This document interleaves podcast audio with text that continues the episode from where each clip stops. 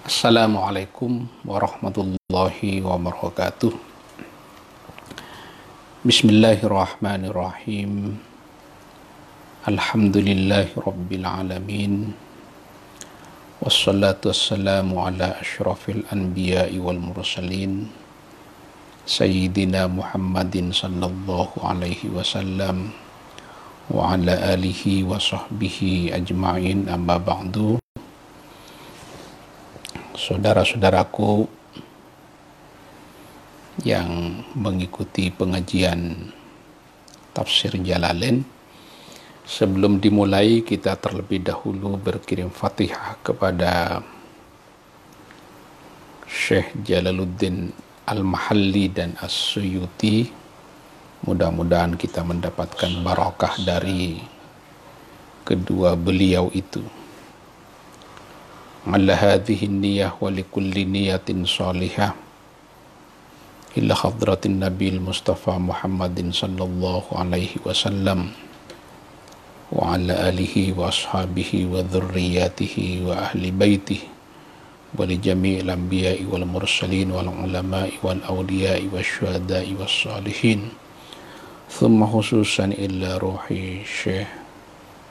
جلال الدين المحلي والشيخ جلال الدين السيوطي.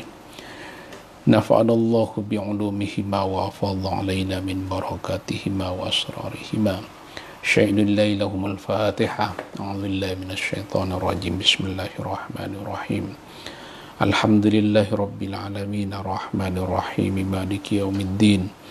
إياك نعبد وإياك نستعين. اهدنا الصراط المستقيم. صراط الذين أنعمت عليهم غير المغضوب عليهم ولا الضالين آمين Bismillahirrahmanirrahim Kita mulai pada ayat yang ke-13 Wadrib lahum mathalan ashabal qaryati idza ja'ahal mursalun idza arsalna ilaihim ithnaini fakadzabuhuma fa'azzazna bithalithin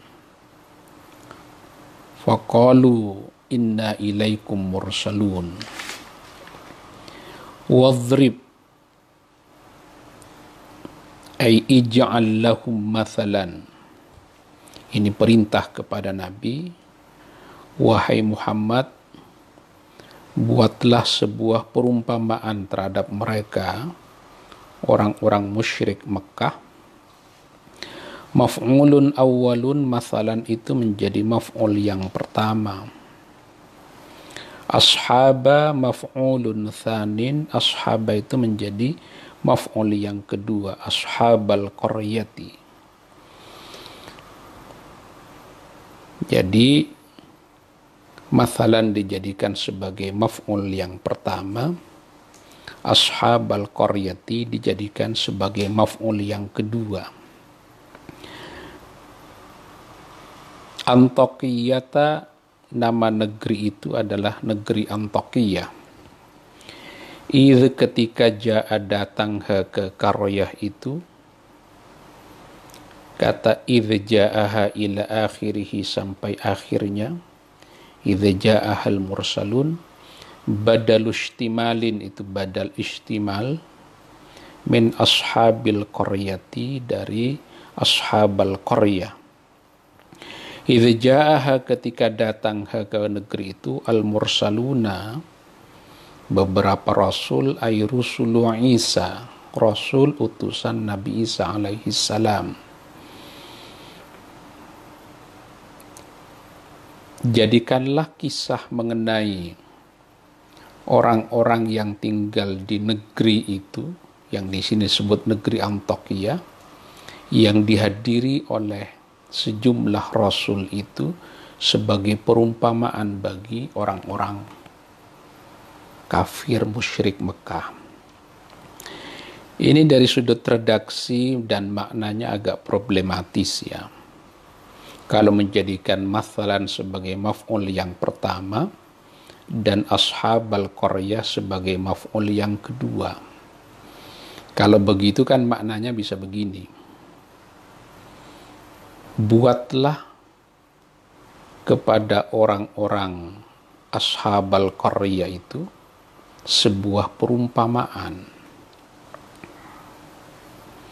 Buatlah perumpamaan kepada orang-orang ashabal qarya, kepada penduduk negeri itu. Nah, makanya oleh sebagian mufassir, redaksi dari atau tafsir dari Al-Mahalli ini dikoreksi ya. Misalnya di dalam tafsir Sawi atau di dalam tafsir Al-Jamal ini yang dijadikan sebagai maf'ul yang pertama adalah ashaba.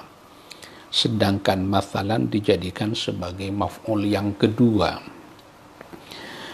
Kalau begitu maka maknanya begini. Buatlah orang-orang yang menempati negeri Antakiyah itu sebagai perumpamaan. Jadi negeri-negeri atau eh, orang-orang uh, yang tinggal di Antakiyah itu yang dihadiri oleh sejumlah rasul jadikanlah sebagai perumpamaan terhadap orang-orang musyrik Mekah.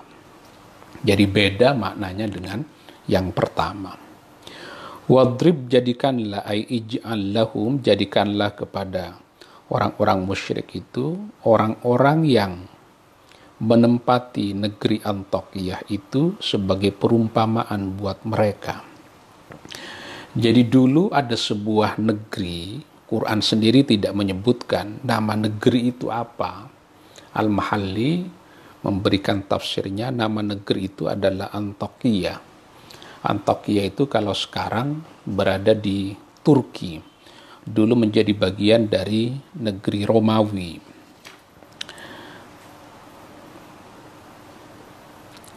Idza ahal mursalun, negeri Antakya itu dihadiri oleh banyak sekali para nabi dan rasul. Di sini disebut ada tiga. Jadi negeri-negeri zaman dulu itu banyak yang boros menghadirkan para nabi. Ada satu negeri kayak Antokia ini yang dihadirkan tiga orang nabi. Sedangkan nabi yang terakhir, Nabi Muhammad, hanya sendirian, tidak didampingi oleh nabi-nabi satelit, nabi-nabi pendamping. Kalau Nabi Musa kan masih didampingi oleh kerabatnya ya yang disebut dengan Nabi Harun. Waj'alli waziran min ahli Harun ahi. Jadi didampingi oleh Nabi Harun. Nabi Ibrahim sendiri didampingi oleh anaknya yang juga menjadi nabi, yaitu Nabi Ishak dan Nabi Ismail.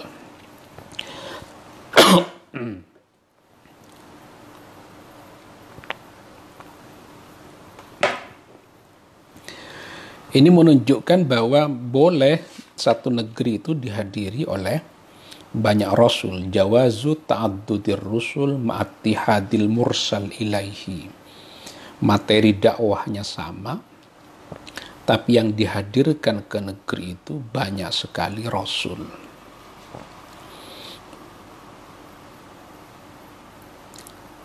Jadi negeri Antakya ini dihadiri oleh tiga rasul. Tapi ini ditolak oleh sebagian ulama yang lain bahwa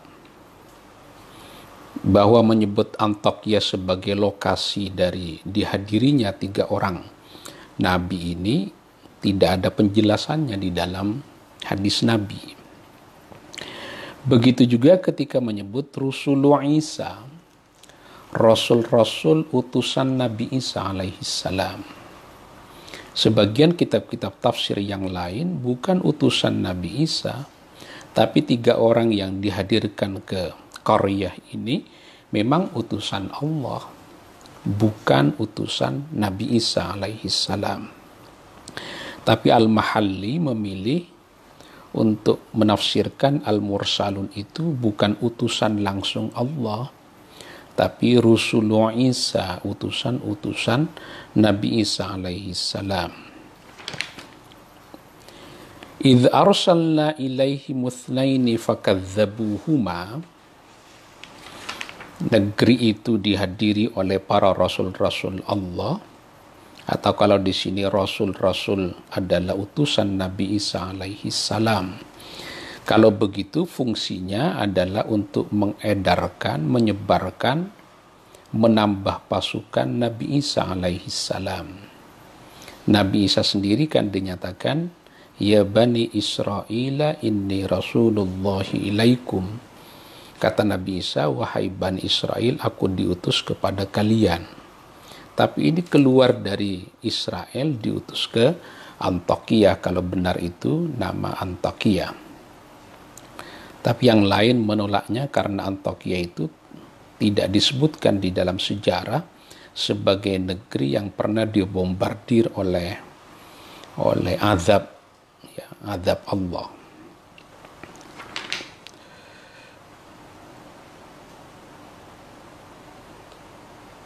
إذ أرسلنا إليهم اثنين فكذبوهما إلى آخره بدل من إذ الأولى Id arsalna ketika ada id, ada idha, ada idhan. Itu berbeda ya. Kalau id itu zaraf yang menunjuk kepada peristiwa yang terjadi di masa lalu. Kalau idha itu zaraf yang menunjuk kepada peristiwa yang terjadi di masa yang akan datang. Kalau idhan itu menunjuk pada kepada peristiwa yang terjadi saat sekarang. Ini ketika dulu arsalna kami mengutus ilaihim kepada mereka mengutus berapa orang ifnaini dua utusan ini nanti dijadikan dasar oleh sebagian ulama bahwa id arsalna ilaihi ini menunjukkan bahwa itu bukan utusan Nabi Isa tapi utusan Allah. Karena Allah sendiri yang berfirman, ingatlah ketika aku menghadirkan dua orang nabi ke negeri itu, fakadzabuhuma kemudian penduduk negeri itu mendustakan ini mendustakan dua orang nabi itu. Ila akhirihi badalun min idh al-ula mulai dari idh arsalna ilaihi muthnaini fakadzabuhuma sampai kepada akhir kisahnya itu menjadi badal dari idh yang pertama apa idh yang pertama idh ja'ahal mursalun ketika negeri itu dihadiri oleh para rasul. Bagaimana kisahnya? Lah itu menjadi badal. Jadi pertama Allah mengirimkan dua orang nabi ke negeri itu, kemudian dua orang nabi didustakan oleh penduduk negeri itu. Fa'azzazna bithalithin dihadirkan dua orang nabi, fa'azzazna kemudian dikukuhkan, aku menambah kekuatan.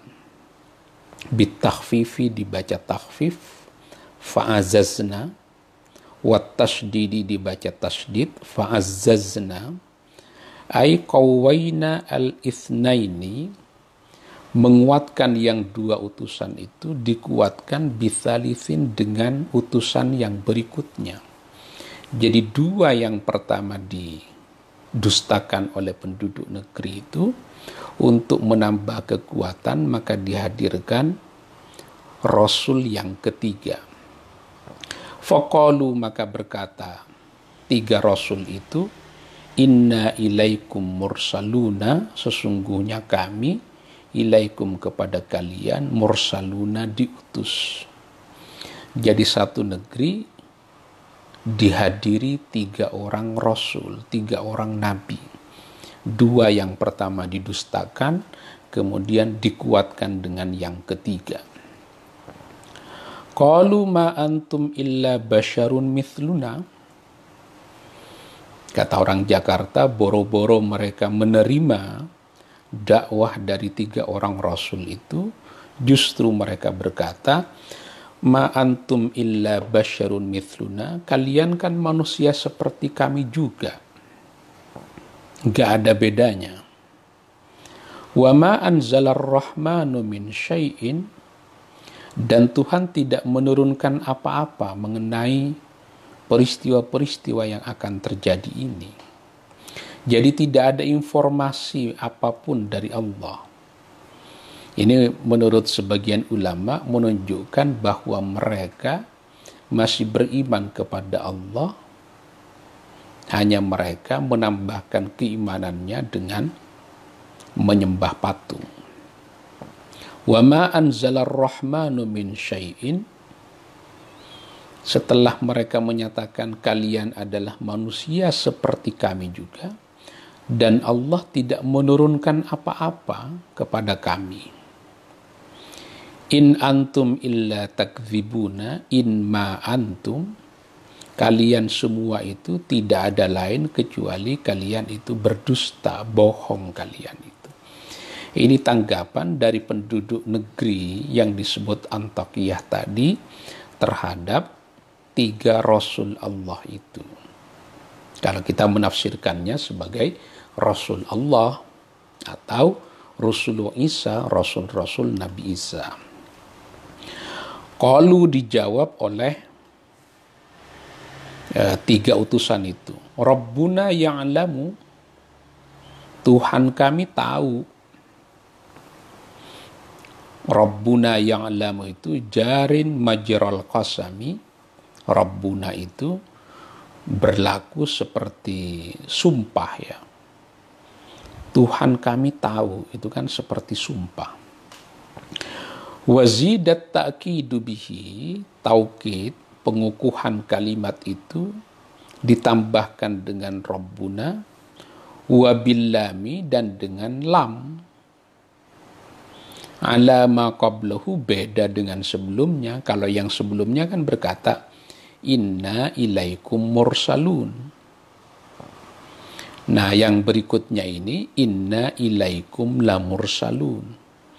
Jadi Rabbuna itu satu sumpah sendiri ditambah dengan lam inna ilaikum la mursaluna. Kenapa begitu?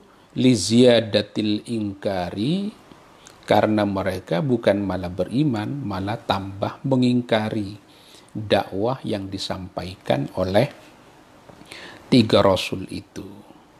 Lamnya itu fi inna ilaikum lamursaluna di dalam uh, lamursalun. Jadi kalau kita perhatikan ada tiga sebenarnya, tiga taukid. Yang pertama Rabbuna yang lamu, yang kedua menggunakan lam lamursaluna, yang ketiga menggunakan inna. Jadi setelah yang pertama menyatakan inna ilaikum mursalun dan mereka menolak kalian semua sama dengan kami manusia biasa Allah tidak bicara apa-apa mengenai kalian. Dan inna inma antum illa takzibuna dan kemudian didustakan setelah itu terjadi, maka Allah kemudian berfirman, ini kisahnya kan. Tiga rasul itu berkata, Rabbuna ya'lamu, Tuhan kami tahu. Inna ilaikum lamursaluna, sesungguhnya kami ini adalah diutus untuk mentauhidkan, mengajarkan tauhid kepada kalian. Wa ma alaina illal balagul mubin, tidak ada tujuan lain dari kami illal balagul mubinu kecuali menyampaikan apa yang telah diperintahkan. At-tablighul mubayyinu al-zahiru menyampaikan dengan penyampaian yang jelas, al-zahiru yang jelas, disampaikan semuanya. Bil adillatil wadhihati dengan bukti-bukti yang jelas. Wahia apa bukti-bukti yang jelas itu? Ibrahul akmahi. Menyembuhkan orang tunanetra. Wal abrasi dan orang yang terkena penyakit baros. Wal maridi menyembuhkan orang sakit. Bahkan wa ihyaul maiti menghidupkan orang mati ini kalau benar bahwa yang dihadirkan ke negeri Antakiyah itu adalah utusan-utusan Nabi Isa, maka yang disampaikan tadi menyangkut kemujizatan Nabi Isa alaihi salam. Apa kemujizatan Nabi Isa? Menyembuhkan orang yang tidak bisa melihat. Jadi sebelumnya tunanetra kemudian menjadi sembuh menyembuhkan penyakit kulit, menyembuhkan orang yang sakit, bahkan menghidupkan orang yang mati. Tapi ini tidak ada di dalilnya ya di dalam hadis tidak ada bahwa Rasulullah Isa itu.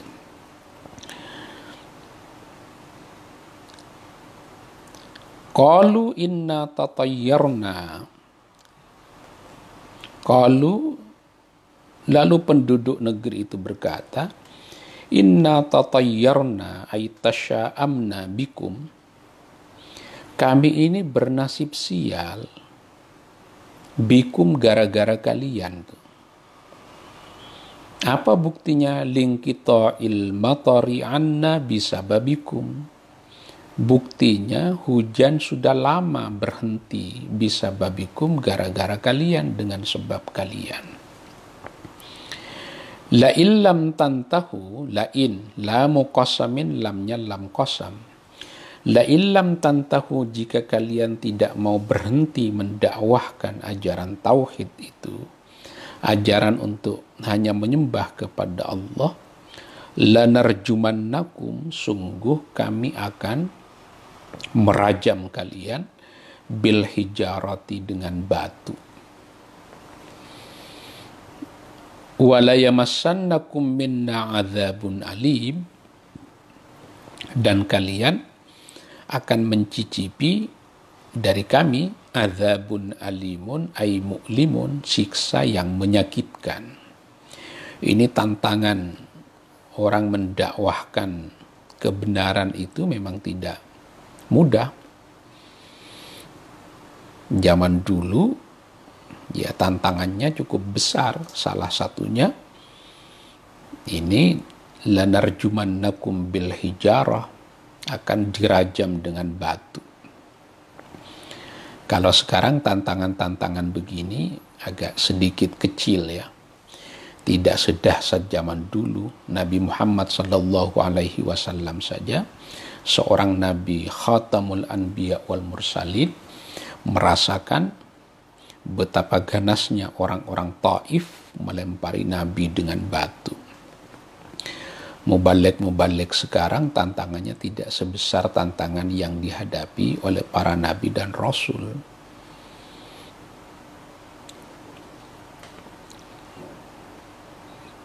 Ini tiga orang nabi ditolak secara kolektif oleh penduduk negeri yang disebut Antakiyah itu Padahal sudah tiga orang nabi, tapi menghadapi tantangan yang tidak sederhana.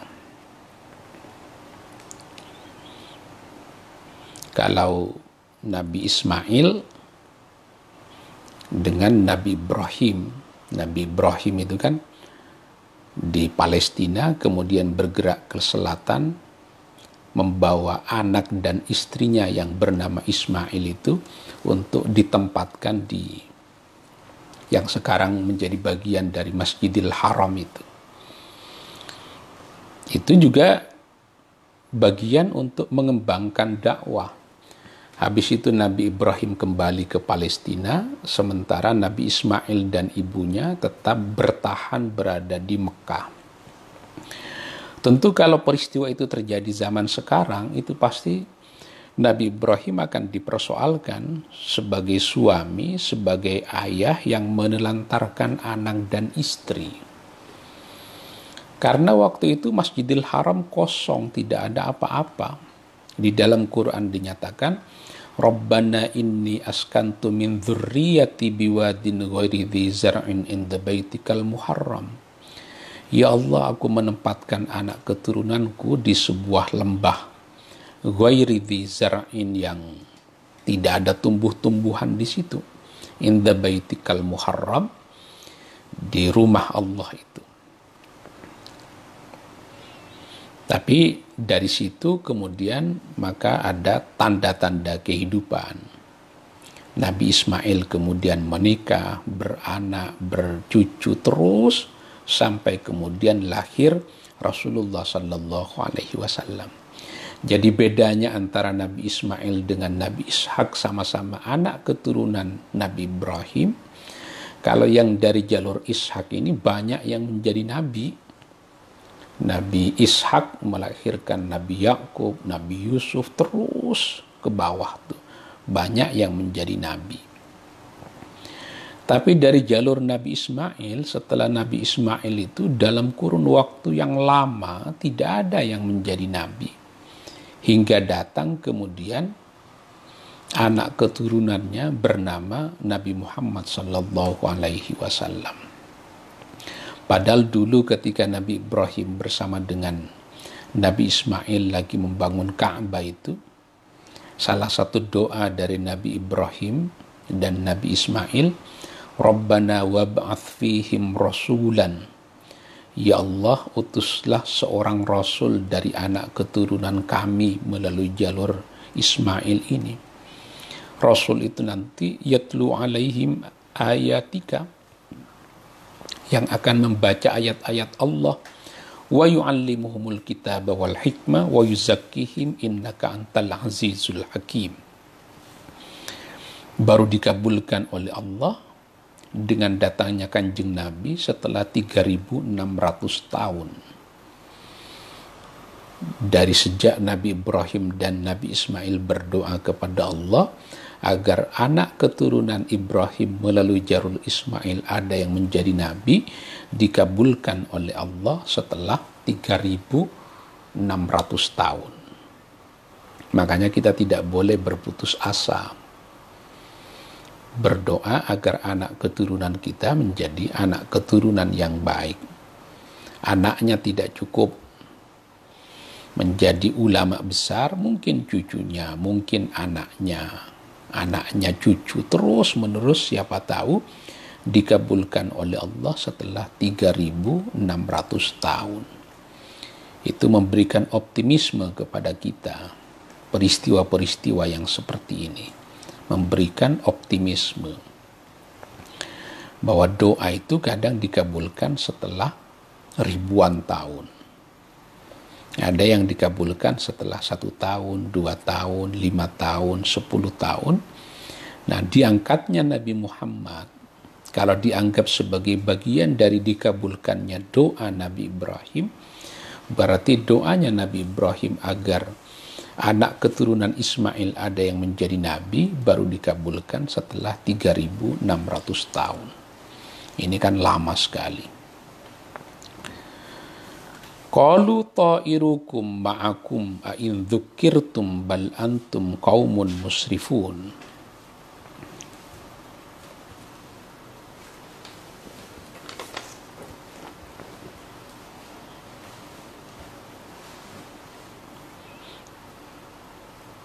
Kalau ada yang bertanya ini, kalau baca doa yang bersumber dari Quran, kemudian zamirnya diganti, boleh tidak? Ya boleh, namanya nanti disebut dengan badi muktabas. Seperti yang umum kita dengar tuh. Misalnya, Robbi firli wali wali daya kan. Bisa diubah. Misalnya, Rabbi fir lana kan bisa begitu. Bisa diubah dhamirnya tapi jangan diniati sebagai Quran. Diniati sebagai doa. Karena kita tidak boleh mengubah redaksi Al-Quran. Kalau niat mengubah redaksi Quran. Tapi kalau kita mengambil Quran untuk dibuat redaksi yang lain tidak kita niati sebagai Quran itu yang disebut dengan badi muktabas itu diperbolehkan tuh. Dan saya kira banyak ulama-ulama yang melakukan improvisasi, improvisasi itu.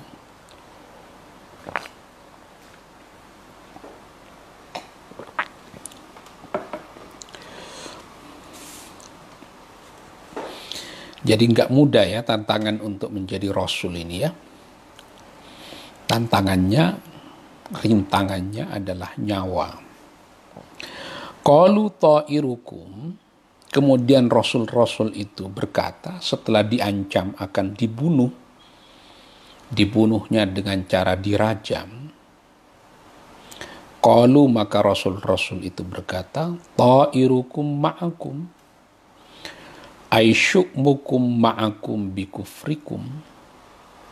Kesialanmu itu ya karena sebab kamu sendiri. Ai bikufrikum sebab kekafiran kalian bukan karena kehadiran kami, tapi karena kekafiran kalian itu. Ain dzukirtum Ain ya dibaca. Ain hamzatus istifhamin. Ada hamzah istifham di situ. Hamzah yang menunjukkan pertanyaan. A itu kan hamzah istifham. Dakhalat ala in asyartiyah masuk ke dalam insyarat in dzukirtum dimasuki hamzah istifham menjadi a in dzukirtum wa fi hamzatiha pada hamzanya itu boleh dibaca at-tahqiqu tahqiq ain. Jadi di dieksplisitkan semua. Dibaca ain. Atau dibaca wat tashilu tashil. Tashil itu hamzanya itu dilafalkan digabung dengan ya.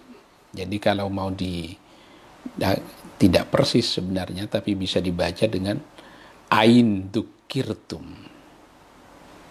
Itu tashil tuh. Wa idkhalu alifin bainaha biwajhaiha wa bainal ukhra atau memasukkan alif baik di dalam bentuk tahkiknya ataupun tashilnya. Misalnya dibaca ain. Ain. Nah, itu memasukkan alif ke dalamnya. Ain dzukirtum. Bukankah kalian ini sudah diberi peringatan? Aiwu'itum diberi peringatan. Wa khuwiftum sudah ditakut-takuti tentang siksa Allah yang akan jatuh kepada mereka. Wa jawabu syarti makhdhufun, jawabnya syarat itu dibuang. Ini kan ada teori. Idza jitama'a apabila berkumpul antara istifham antara istifham dengan syarat maka yang dijawab adalah istifhamnya. Nah, syaratnya itu jawabannya di dibuang. Itu yang dimaksud wa jawabu syarti makhdhufun. Kenapa jawabnya syarat dibuang? Aitatayyartum, kalian ini bernasib sial itu. Wa kafartum karena kekafiran kalian. Wa huwa mahallul istifham. Menjadi tempat istifham. Wal muradu bihi at-taubihu yang dimaksudkan dengan pernyataan tadi adalah at-taubih itu peringatan dengan keras. Ta'irukum ma'akum a'in dzukirtum. Kesialan kamu itu karena sebab kamu sendiri. Bukankah kamu sudah diberi peringatan, tapi kalian tetap kafir mengingkari ajaran tauhid yang disampaikan yang didakwahkan oleh para rasul-rasul itu. Bukan hanya itu, bal antum kaumun musrifuna, bahkan kalian itu termasuk kaum musrifuna ay mutajawizunal hadda. Mutajawizunal hadda melampaui batas bisyirkikum sebab kesyirikan kalian.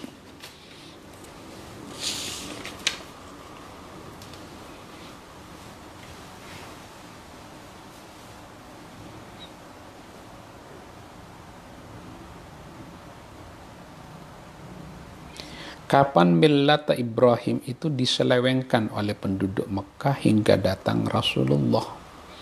Kemarin saya sudah bicara mengenai kasusnya Al-Khuzai.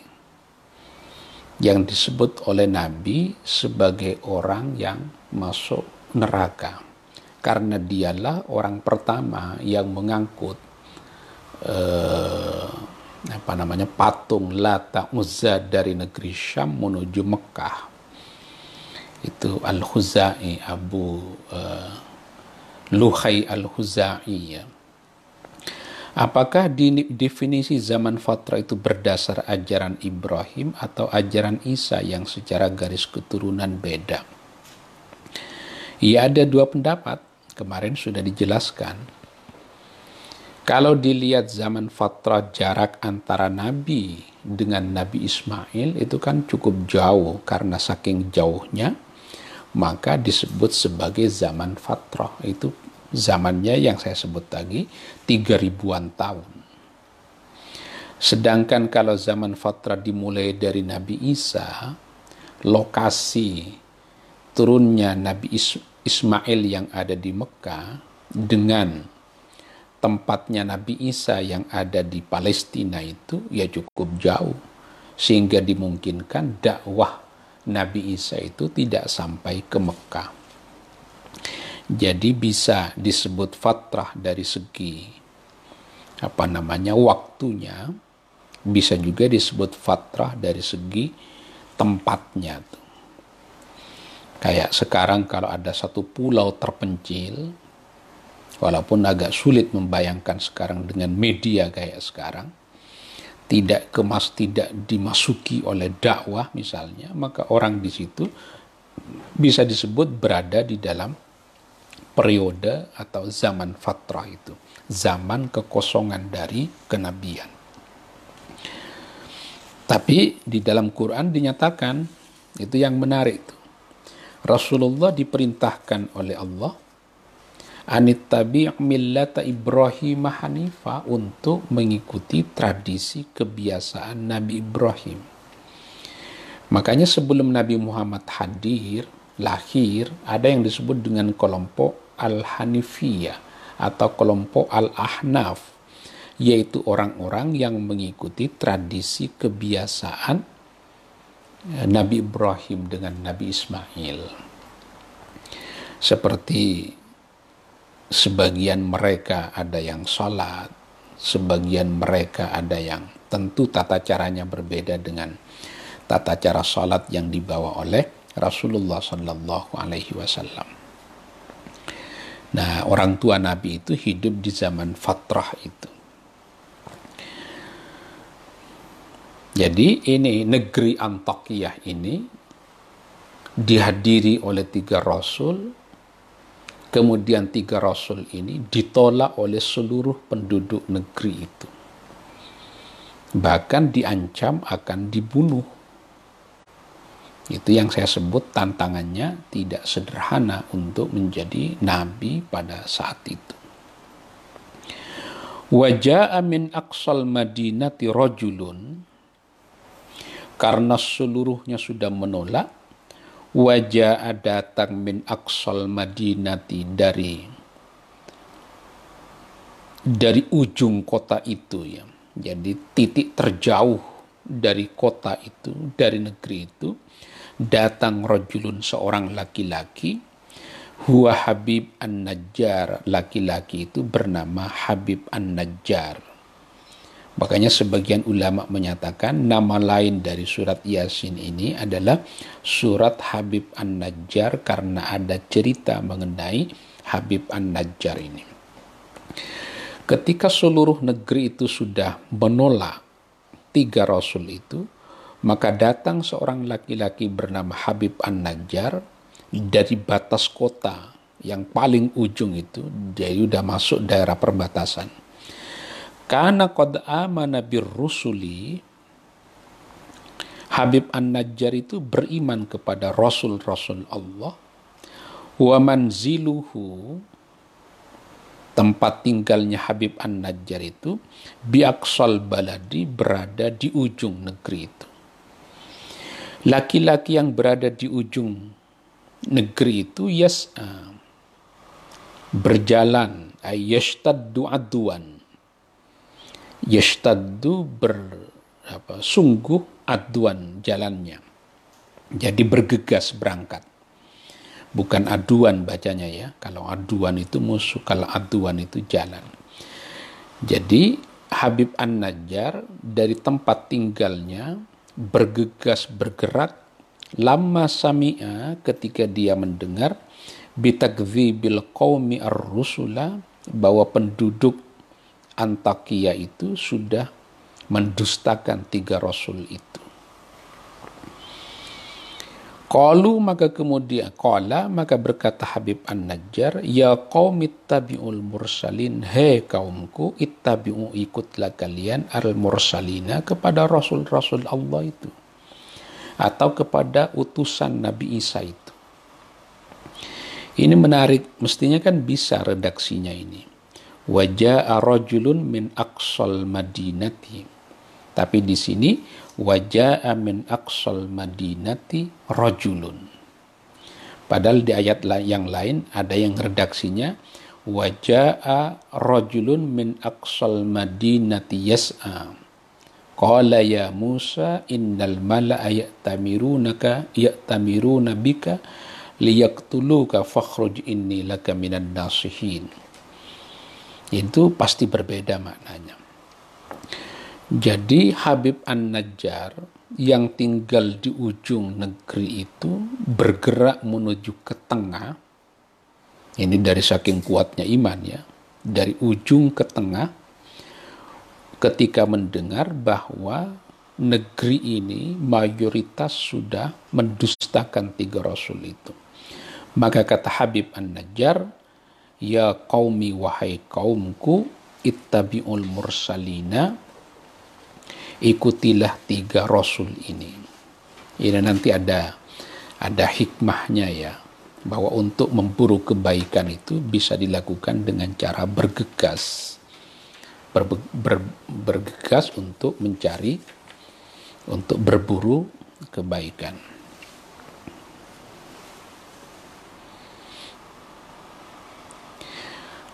Ada yang bertanya ini, ayah Nabi Ibrahim yang diceritakan sebagai pembuat patung, lalu bagaimana dengan jaminan kesucian nasab Nabi yang terjaga dari dosa syirik? Makanya ada ulama yang menyatakan itu bukan ayah Nabi Ibrahim, tapi pamannya. Jadi kata abi di dalam Quran tidak selalu menunjuk kepada ayah biologis secara langsung tapi menyebut disebut sebagai pamannya. Azar itu oleh sebagian ulama disebut bukan sebagai ayah biologis Nabi, eh, Nabi Ibrahim, tapi sebagai pamannya untuk menjaga kesucian nasab dari Rasulullah Sallallahu Alaihi Wasallam. Itu ada di kitab-kitab ya, di kitab-kitab tafsir, di kitab-kitab sejarah ada tuh variasi pendapat siapa yang dimaksud dengan abi itu. Makanya nanti Nabi Ibrahim kan meminta dispensasi kepada Allah untuk bisa mendoakan abinya itu. Untuk bisa mendoakan memohonkan ampun pada abinya itu. Jadi ikhtilaf para ulama siapa yang dimaksud dengan abi di dalam Quran terkait dengan uh, abinya Nabi Ibrahim itu. Itu nanti kalau uh, baca surat apa itu yang menjelaskan surat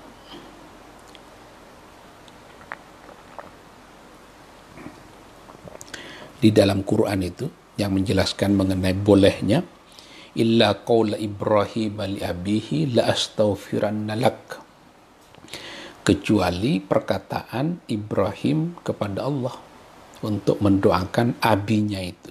Siapa yang dimaksud dengan abinya?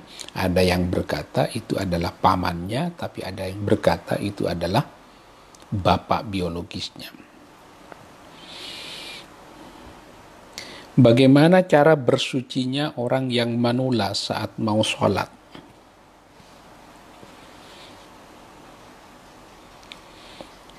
Ya tergantung jenisnya. Kalau beser misalnya kan, maka sebelum berwudu dibersihkan dulu kemudian ditutup, nah baru berwudu. Itu namanya salisul baul kan.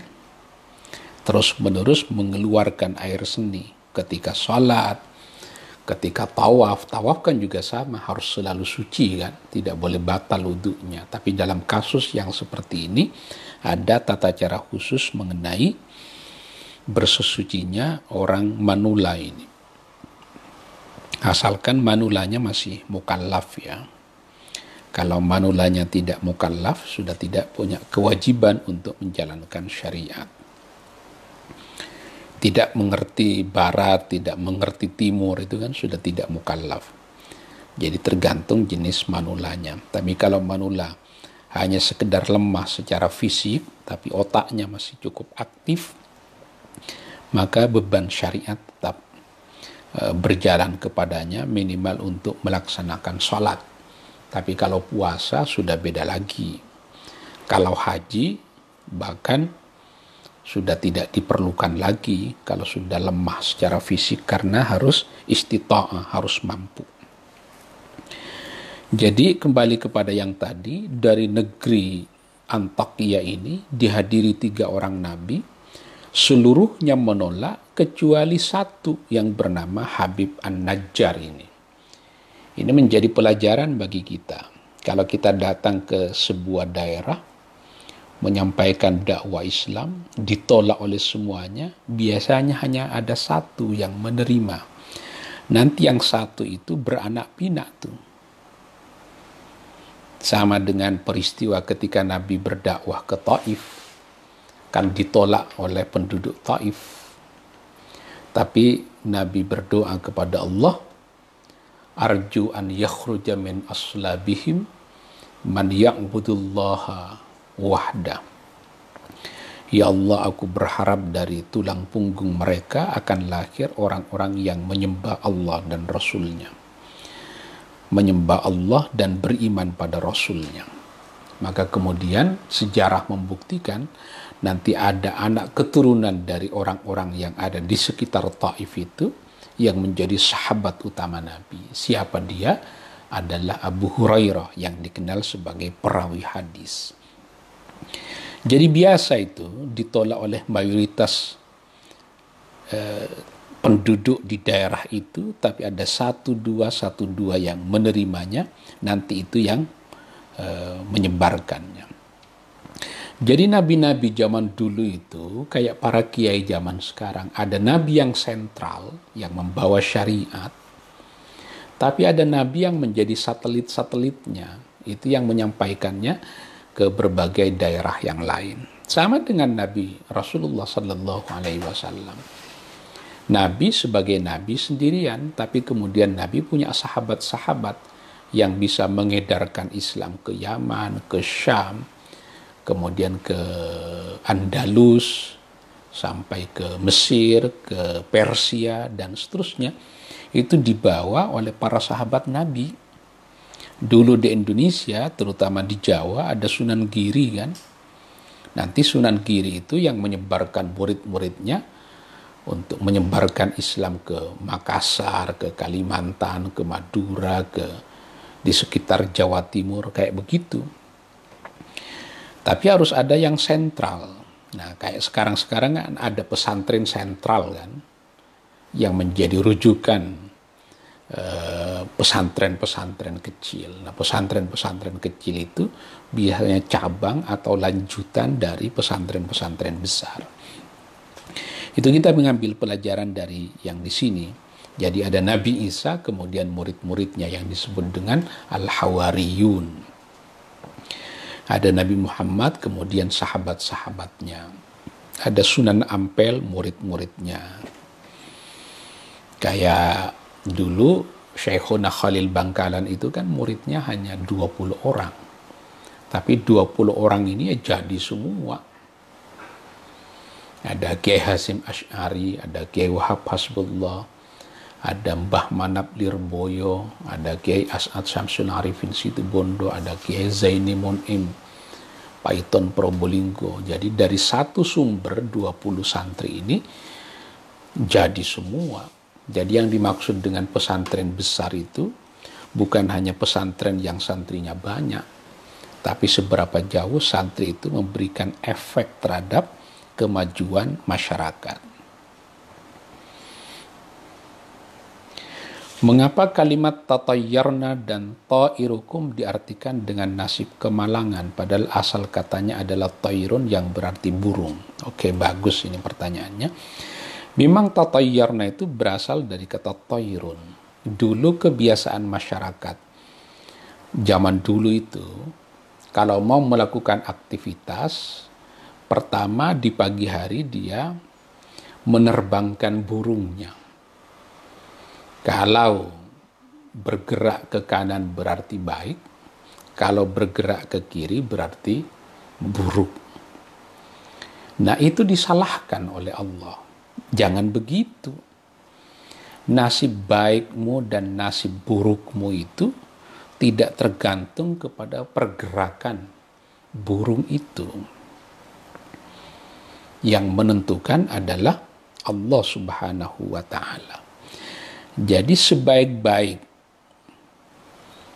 nasib yang ditentukan oleh pergerakan burung itu hakikatnya adalah buruk karena tidak bersandar kepada qadha dan qadar Allah bersandar kepada keburukan eh, kepada gerakan atau terbangnya burung itu nah, boleh saja tatayyarna itu diartikan sebagai tasya'um juga diartikan sebagai tafaul.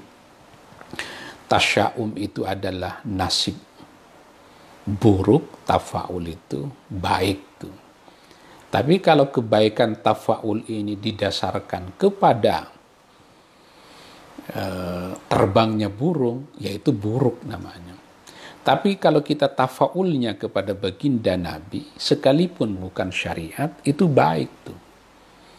Kan tidak seluruh yang dicontohkan baginda Nabi itu bisa menjadi syariat. Tapi kita boleh menyontohnya.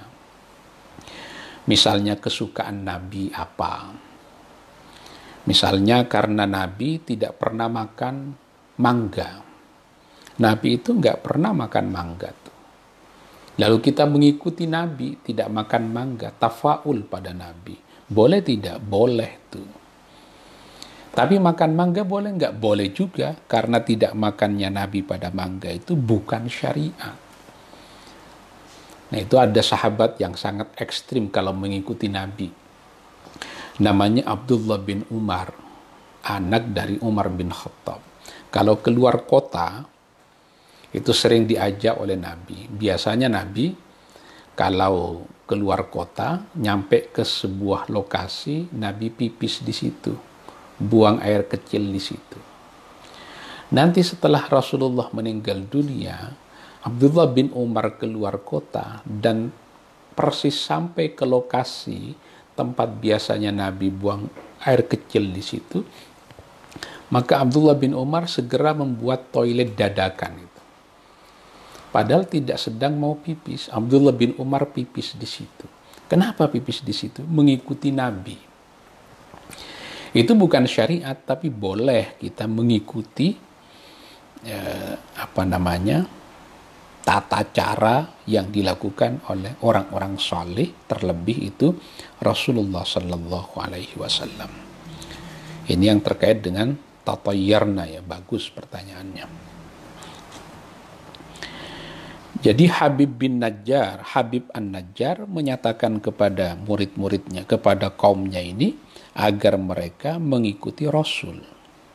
Ini menarik, padahal jelas bahwa penduduk Antokia itu menolak ajaran yang dibawa oleh tiga Rasul itu. Tapi Habib An-Najjar masih menyebut mereka sebagai ya kaumi. Makanya nanti muncul perdebatan di kalangan para ulama. Apakah kaum itu hanya kepada mereka yang beriman atau tidak? Boleh kita, bolehkah kita menyebut kaum kepada orang yang tidak beriman? Sebagian ulama menyatakan boleh. Karena Allah berfirman di dalam Quran, "Wa kadzdzaba bihi qaumuka wa huwal haqqu." Kaummu itu mendustakan Allah. Padahal Allah itu kebenaran itu diperbolehkan. Jadi bahasanya lembut Quran ini. Ya qaumi wahai kaumku.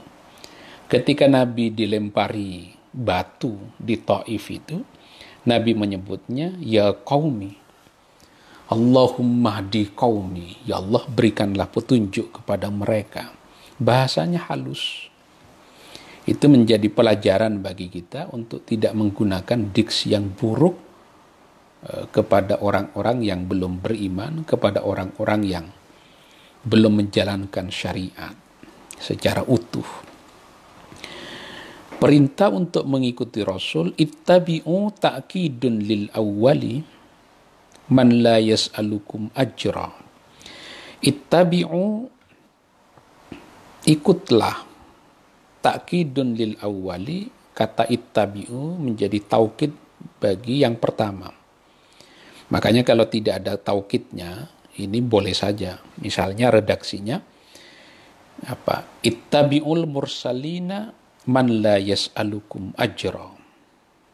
Tapi kalau karena untuk mengukuhkan ittabi'u ikutilah para rasul itu dikukuhkan lagi ittabi'u ikutilah rasul-rasul Allah itu siapa mereka man la yas'alukum ajra yaitu orang-orang yang tidak menerima bayaran ala risalatihi atas dakwah yang disampaikannya. Jadi nggak ada para nabi dan rasul itu yang menerima bayaran ketika menyampaikan dakwah ke tengah umat.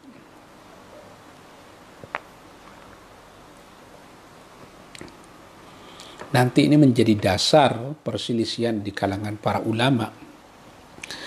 Boleh tidak seorang guru ustadz menerima bayaran ketika dia mengajarkan Quran? Ada yang membolehkan seperti madhab syafi'i, ada yang tidak membolehkan seperti Hanafi. Kalau Imam Abu Hanifah pasti nggak boleh, dia kaya. Imam Malik ya kaya raya. Imam Syafi'i termasuk ulama yang tidak kaya ya. Memang ulama-ulama kita ini ada yang miskin, ada yang Abil Hasan Asyadzili itu ulama yang kaya raya, padahal pendiri tarekat ya. Tapi ada ulama yang miskin. Itu biasa ya, macam-macam cara para ulama kita mendekatkan diri kepada Allah. Ada ulama yang kaya raya, ketika ditanya, kenapa kaya? Jawaban Abil Hasan Asyadili, biar umat tidak kasihan kepada saya. Jadi umat tidak perlu membiayai saya. Makanya Abil Hasan Asyadili kalau memakai baju, bajunya bagus. Kalau sekarang mobilnya bagus, rumahnya bagus. Itu yang menyebabkan dia tidak perlu dikasihani oleh umat. Tapi ada ulama-ulama yang memilih hidup sederhana. Ini jalan-jalannya memang berbeda. Apakah Rasulullah itu kaya atau miskin? Itu saja diperselisihkan oleh para ulama. Ada yang menyatakan Nabi itu kaya. Apa buktinya bisa membayar mas kawin yang cukup besar kepada Khadijah? 100 ekor unta kan itu besar sekali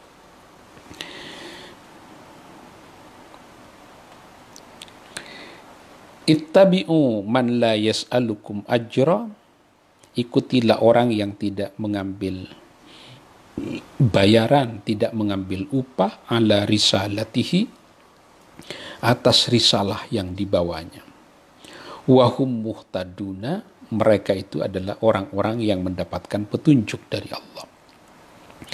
Faqila lahu maka dikatakan lahu kepada Habib An-Najjar anta ala dinihim ini membuang uh, hamzah istifham ya kalau dikeluarkan a anta ala dinihim apakah engkau Habib An-Najjar ala dinihim berdiri tegak di atas agama mereka Faqala maka berkata siapa Habib An-Najjar wa ma liya la a'budu alladhi fatarani wa ilaihi turja'un. Tidak ada pilihan lain bagiku kecuali aku menyembah zat yang telah menciptakan aku. Khalaqani telah menciptakan aku. Fatara itu biasanya al-ijadu li awwali barra, penciptaan yang pertama kali. Siapa yang menciptakan manusia pertama kali? Itu Allah. Makanya disebut Alhamdulillah fatiris samawati wal ardi. Khalaqani aku akan menyebadat yang telah menciptakan aku. Ailama ali min ibadatihi tidak ada yang bisa menghalangiku untuk beribadah kepada Allah. Kenapa al-mawjudi muqtadiha? Karena yang menyebabkan aku menyembah Allah itu apa? Allah yang menciptakan aku. Nah, karena Allah yang menciptakan aku, itu menjadi muqtadi menjadi sebab aku menyembah Allah makanya di dalam Quran dinyatakan ya ayuhan nasu ubudu rabbakumul ladzi khalaqakum walladzina min qablikum wahai manusia sembahlah Tuhan kalian yang telah menciptakan kalian karena Allah menciptakan kalian maka kalian tidak ada pilihan lain kecuali menyembah kepada Allah. Penciptaan itu menjadi muqtadi, menjadi sebab kita menyembah kepada Allah. Wa antum kadzalika mestinya kalian juga begitu kata Habib An-Najjar. Mestinya kalian juga menyembah kepada zat yang telah menciptakan kalian. Wa ilaihi turja'una dan kepada Allah turja'una kalian semua di ba'dal mauti setelah mati fayujazikum kalau kalian sudah mati tetap tidak mau beriman fayujazikum maka Allah akan membalas kalian bikufrikum dengan sebab kekafiran kalian ini cerita mengenai Habib An-Najjar yang mengambil sikap berbeda dengan mainstream, dengan arus utama di negeri itu. Jadi selalu ada di tengah orang-orang yang tidak menyembah Allah, ada satu dua orang yang tidak mengikuti arus utama. Itu kayak Nabi di Mekah kan. Arus utamanya menyembah berhala. Nabi sejak kecil tidak pernah menyembah berhala itu. Ada juga seperti Sayyidina Ali bin Abi Thalib, makanya disebut dengan karamallahu wajah, karena sejak kecil tidak pernah menyembah berhala, tidak pernah minum khamr, tidak pernah melakukan perbuatan dosa-dosa besar. Itu Ali bin Abi Thalib, makanya disebut dengan karamallahu wajah. Tapi ada sebagian sahabat yang kalau kita tengok masa lalunya tidak baik. Seperti Umar ibnul Khattab.